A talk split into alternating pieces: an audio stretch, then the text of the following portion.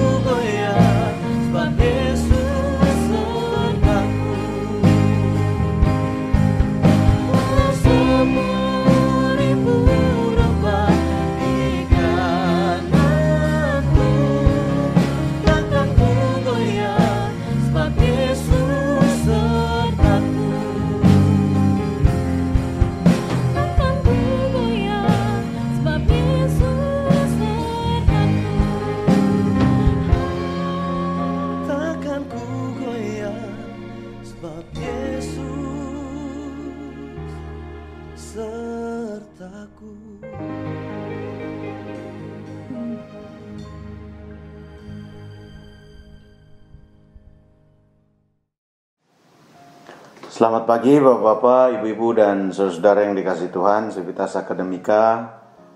Kiranya berada dalam keadaan sehat, kuat dan dipimpin oleh Tuhan. Kembali kita berjumpa dalam ibadah Senin minggu hari ini. Dan oleh karena itu mari kita bersama-sama. Sebelum merenungkan firman Tuhan Kita mohon pertolongan dan bimbingan roh kudus. Mari kita berdoa Tuhan Allah Bapa kami yang kami kenal di dalam putramu Yesus Kristus, Tuhan dan Juru Selamat kami yang hidup. Pada pagi hari ini kami sungguh mengucap syukur Tuhan masih memperkenankan kami untuk memasuki minggu kerja yang baru ini. Sekalipun di tengah-tengah pandemi yang tak kunjung usai ini Tuhan, kami masih merasakan kasih pertolongan dan setia Tuhan dalam hidup kami. Pagi hari ini Tuhan kami bersama-sama akan merenungkan sebagian dari firman-Mu. Biarlah melalui kesaksian Injil Lukas, kami memperoleh kekuatan, kami memperoleh keteguhan iman kami ketika memasuki hari-hari kami. Ampuni dosa salah kami Tuhan, agar kami layak menerima firman-Mu, dan juga kuatkan hamba-Mu yang penuh dengan kelemahan ini.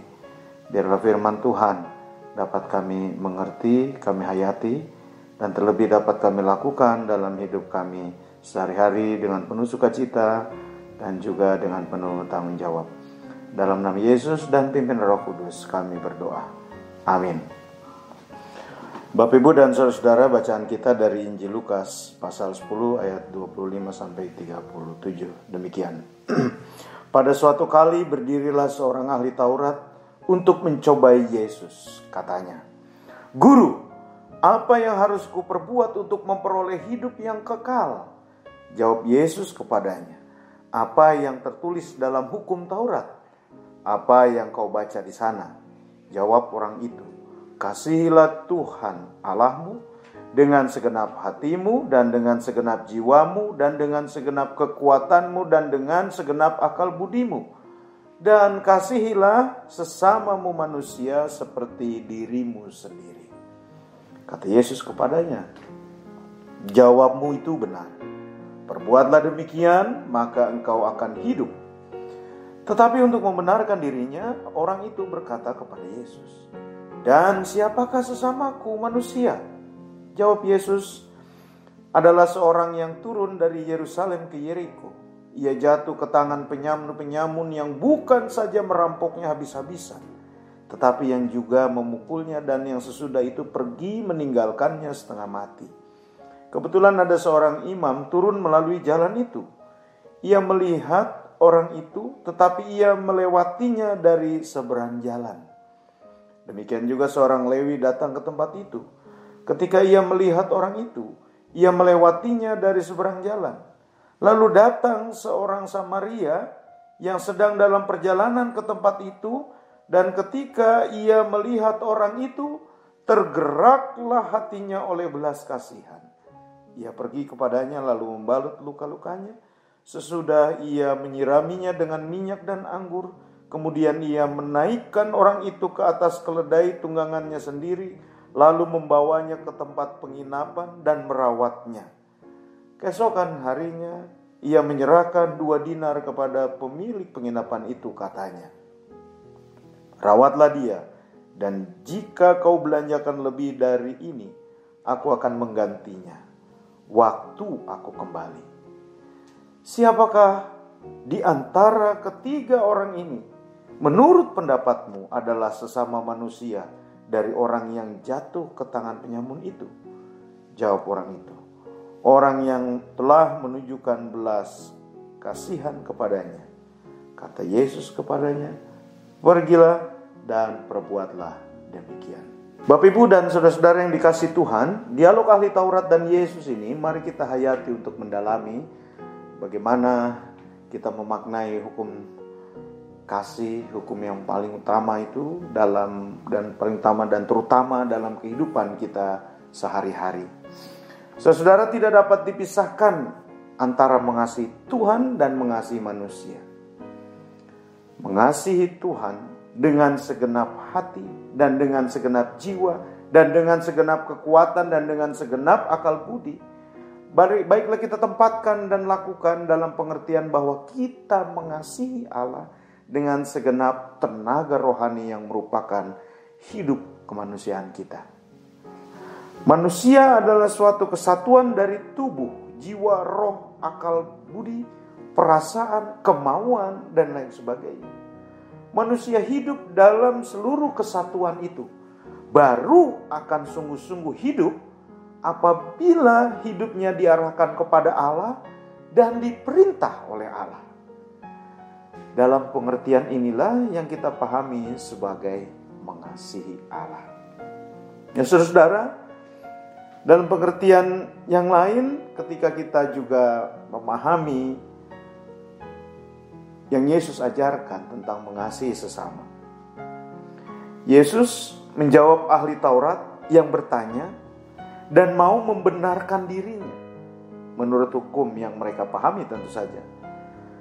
Dan oleh karena itu ahli Taurat itu bertanya, siapakah sesamaku dalam pemahaman sehari-hari siapakah sesama aku, sesama kita. Kita hayatinya seperti itu saudara. Nah jika kita perhatikan perumpamaan dalam teks, maka akan ada hal yang sangat kontras.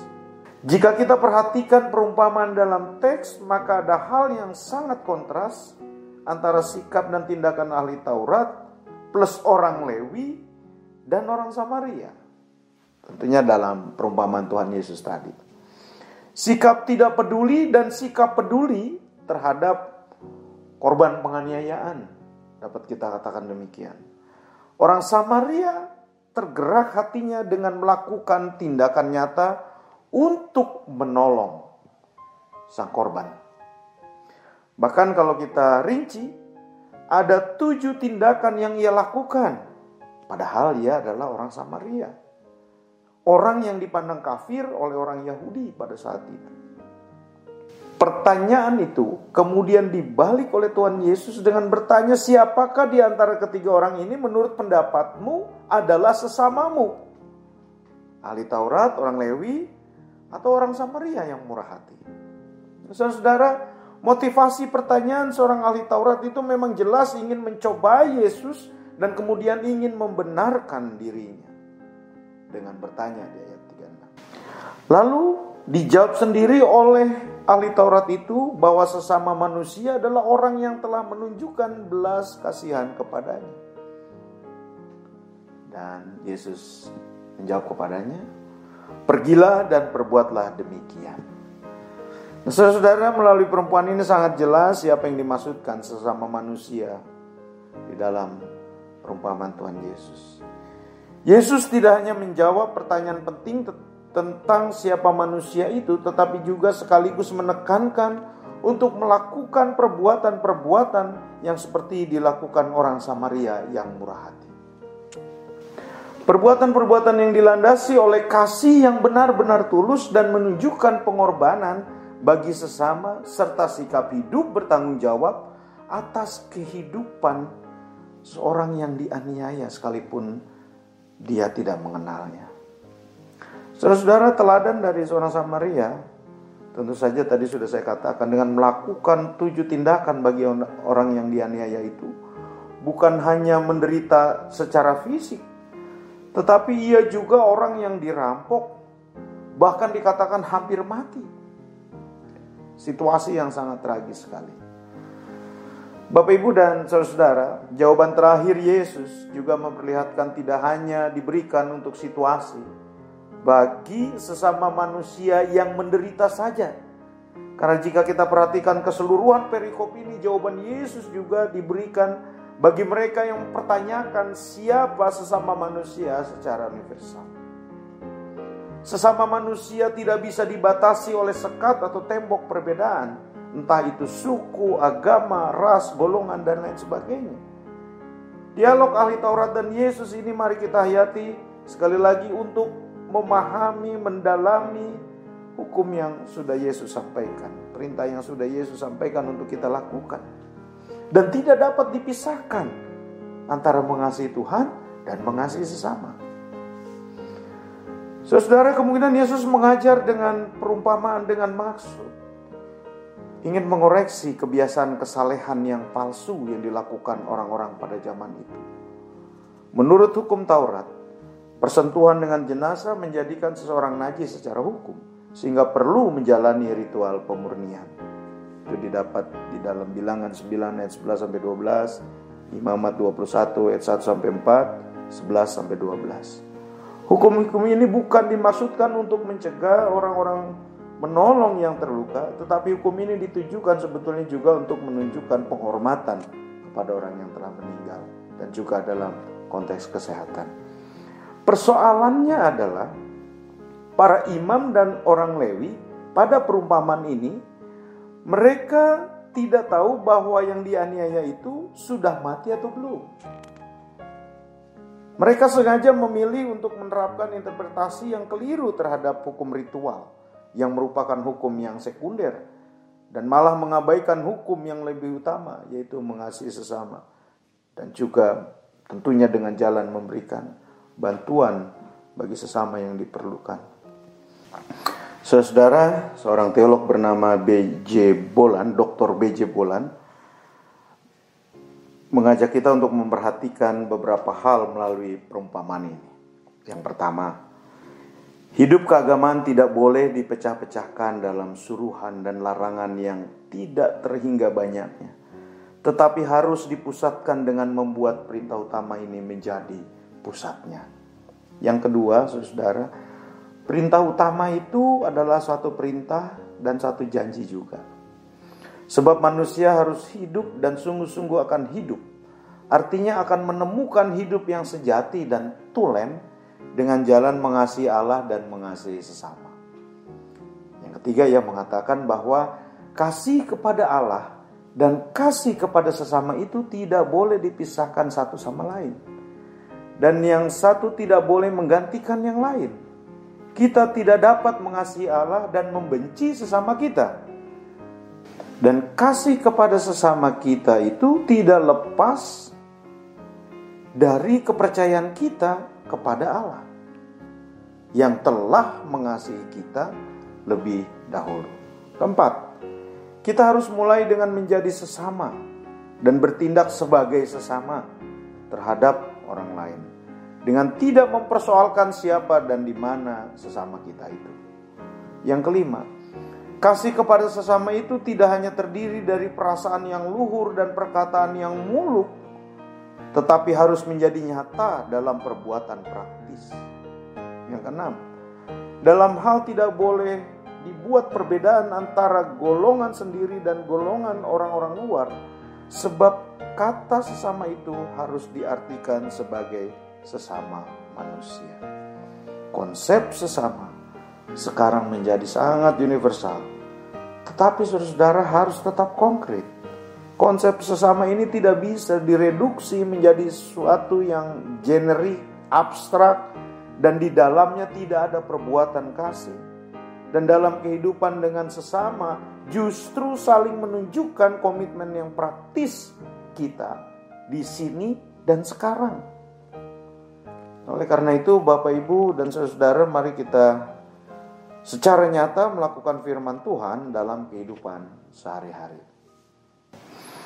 Seperti tadi dikatakan Bapak Ibu dan Saudara, kasih kepada sesama itu tidak hanya terdiri dari perasaan yang luhur dan perkataan yang muluk-muluk, tetapi harus menjadi nyata dalam perbuatan praktis.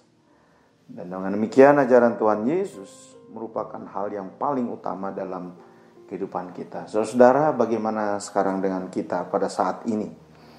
Di tengah-tengah pandemi Covid, yang sudah berlangsung hampir setahun ini. Ya. UKSW sebagai lembaga pendidikan tentu saja tidak mengabaikan situasi ini. UKSW terus terpanggil untuk melakukan yang terbaik di tengah-tengah situasi yang tidak menentu ini. Sebagai contoh tentunya saja kita ketahui bersama sejak tahun lalu UKSW selalu hadir di dalam kehidupan, pergumulan para mahasiswa, dosen juga pegawai. Ketika beberapa di antara saudara-saudara kita terkena virus atau mengalami virus COVID-19. Nah, saudara-saudara, kami mencatat ada begitu banyak dukungan bantuan yang sudah diberikan. Kami juga mencatat ada begitu banyak upaya-upaya yang dilakukan oleh pimpinan universitas untuk bisa berperan serta dalam kehidupan masyarakat melalui kehadiran lab BSL 3 misalnya yang juga bisa turut membantu dalam rangka suasana pandemi Covid ini. Ada begitu banyak hal lain juga yang dilakukan oleh segenap bagian UKSW. Namun kita diingatkan pada saat ini bahwa marilah kita melakukannya itu dengan penuh kasih yang tulus. Kasih yang luhur dan juga kasih yang benar-benar dapat kita rasakan bagi sesama. Praktek dalam kehidupan sehari-hari Sivitas Akademika juga kiranya menunjukkan sikap kasih yang luhur itu. Bagaimana kita saling mengasihi. Dan dasar kasih itu kita saling menolong satu dengan yang lainnya. Ketika ada saudara-saudara kita yang terkena COVID atau terpaksa harus dikarantina, apa yang harus kita lakukan? Saudara kita belajar dari prinsip hidup yang telah ditetapkan oleh pemerintah Jawa Tengah dan juga merupakan suatu ajakan kuat yaitu Jogo Tonggo. Melalui Pendekatan ini tentunya kita bersama-sama ya, bahu membahu, saling mengingatkan, saling menguatkan, dan tentunya dengan kasih. Agar pandemi ini bisa kita hadapi dengan baik. Tindakan kasih yang nyata itulah yang menguatkan saudara-saudara kita yang sedang bergumul secara langsung akibat pandemi ini. Kita harus meyakini juga bahwa ketika kehidupan kita sudah bersumber dan mengarah kepada kasih Allah, maka dalam hidup kita ini juga terus dilimpahi oleh kekuatan yang sungguh luar biasa. Beberapa waktu belakangan ini saudara memang tidak menunjukkan hal-hal yang menggembirakan dalam suasana pandemi. Namun di balik itu semua tentunya kita tidak perlu dan harus menghindarkan diri dari sikap menyerah. Kita terus berjuang bersama, kita terus saling menguatkan dan tentunya dasarnya kasih tadi, saling mengingat sambil mengingat bahwa Allah terlebih dahulu sudah menganugerahkan kehidupan ini dan meyakini bahwa Allah adalah Allah yang setia. Yang kalau kita baca kesaksian dalam kitab suci, dalam Lukas maupun di dalam kisah para rasul menunjukkan betapa ketika umat Tuhan, gereja-gereja dianiaya, tetapi mereka tetap bertekun ketika mereka menderita, ketika mereka mengalami hal-hal yang tidak diinginkan, mereka tetap bertekun dan hingga saat ini umat Tuhan tetap berada di dalam pemeliharaan dan lindungan kasihnya. Saya meyakini saudara kesetiaan Tuhan itu melalui kasih yang sungguh luar biasa dan juga harus kita nyatakan dalam kehidupan kita sehari-hari mulai dari lingkungan yang terdekat maka akan menjadi sumber inspirasi dan dasar dari hidup kita.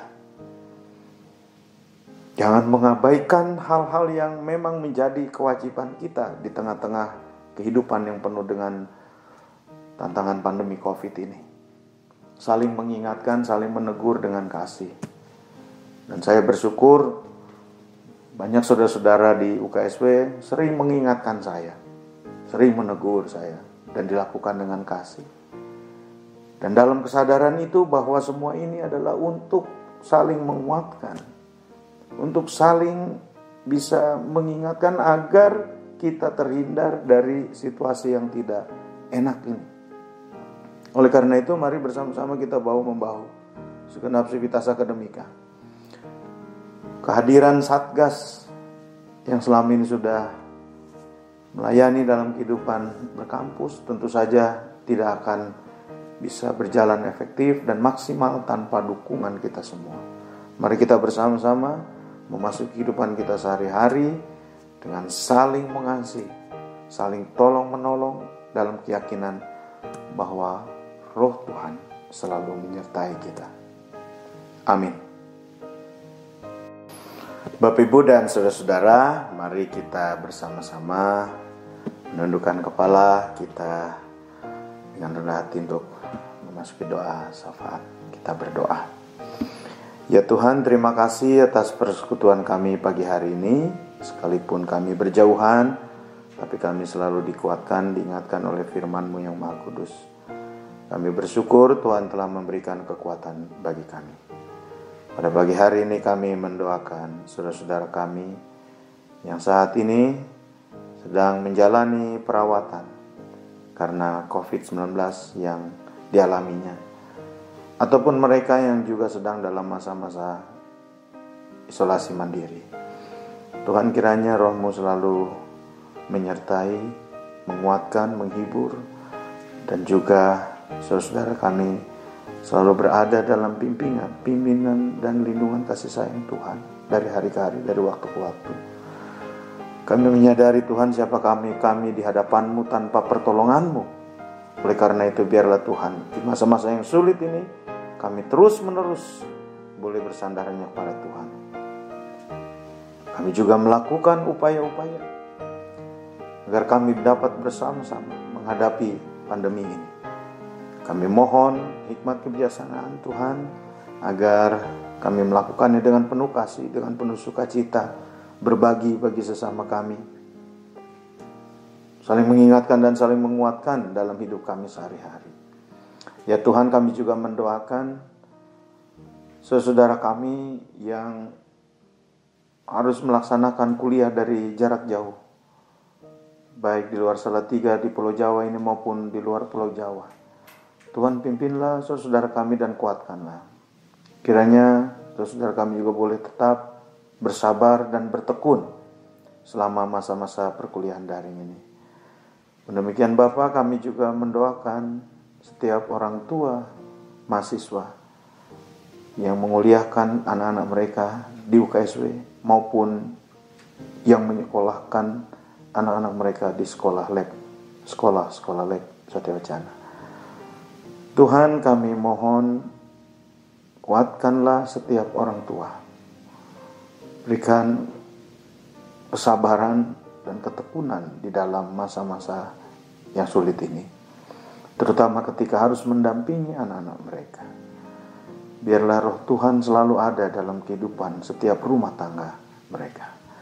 Kami juga mendoakan Tuhan para dosen, Bapak Ibu dosen, yang juga dengan terus-menerus berjuang dalam menghadapi situasi ini dengan berbagai macam tantangan dalam proses pendidikan di UKSW ini. Tuhan juga kiranya senantiasa menguatkan kiranya hikmat dan kebijaksanaan ada dalam kehidupan Bapak Ibu dosen. Anugerahkan kesabaran dan tetap bersuka cita di dalam kehidupan mereka. Dan biarlah sekalipun kehidupan kami berpisah jauh, tetapi hubungan erat antara dosen dan mahasiswa dapat terjadi dengan baik dalam pimpinan Tuhan. Kami mendoakan juga para pegawai.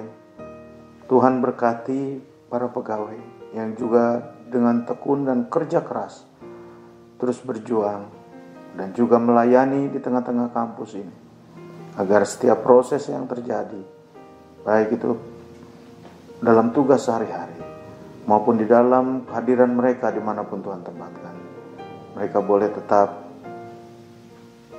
memohon perlindungan Tuhan. Kami mendoakan pimpinan kami pimpinan universitas, fakultas maupun unit-unit. Berkatilah mereka kuatkanlah. Kiranya mereka juga dapat memimpin setiap bagian dengan hikmat dan kebijaksanaan dari Tuhan. Demikian kami mendoakan organ yayasan. Tuhan memberkati kiranya di dalam setiap kehidupan yayasan perguruan tinggi Kristen Sati Wacana. Agar di dalamnya juga boleh terjadi kesukacitaan dan juga suasana yang membawa kampus kami ke dalam kemajuan-kemajuan yang kami harapkan. Kami bersyukur karena Tuhan juga melalui kehadiran para anggota pembina telah menyatakan dan juga turut mendukung kehidupan pelaksanaan belajar mengajar melalui kebijakan-kebijakan yang ada. Dan itulah adalah kehadiran gereja yang nyata dalam kehidupan kami di Universitas Kristen Satya ini. Kami juga bersyukur ya Tuhan jika dalam beberapa waktu lalu saudara-saudara kami di Unkriswina boleh menyaksikan pelantikan pimpinan Universitas Universitas Kristen Wirawacana yang baru dalam periode yang baru. Kami bersyukur Tuhan telah menyertai Ibu Pendeta Norlina bersama jajaran yang telah memimpin Unkriswina dalam kehidupan sehari-hari dan juga di dalam mencapai visi misi Universitas Kristen Wirawacana. Kami mendoakan Bapak Filipus Maklon di dalam memimpin universitas itu, di dalam juga tetap terus membangun hubungan yang baik dengan pemerintahan setempat, gereja dan masyarakat. Berkati para pimpinan yang lain, Tuhan juga menguatkan mereka. Terima kasih Tuhan. Inilah syafaat kami yang jauh dari sempurna dan kami menyerahkan seluruh sahabat kami ke dalam tangan Tuhan termasuk bangsa dan negara kami kiranya Tuhan berkati agar kami juga boleh hidup saling menolong saling membantu dan menghormati menghargai di tengah-tengah kehidupan berbangsa dalam nama Yesus kami berdoa amin Saudara yang dikasih Tuhan, marilah kita memasuki kehidupan sehari-hari dan juga memasuki minggu kerja dengan penuh sukacita, pengharapan di dalam Tuhan, dan meyakini bahwa Tuhan selalu menyertai dan menolong kita. Terimalah berkat Tuhan. Kasih karunia dan damai sejahtera dari Allah Bapa kita dan Tuhan kita Yesus Kristus dan persekutuan Roh Kudus menyertai saudara-saudara hari ini kekal selama-lamanya. Amin.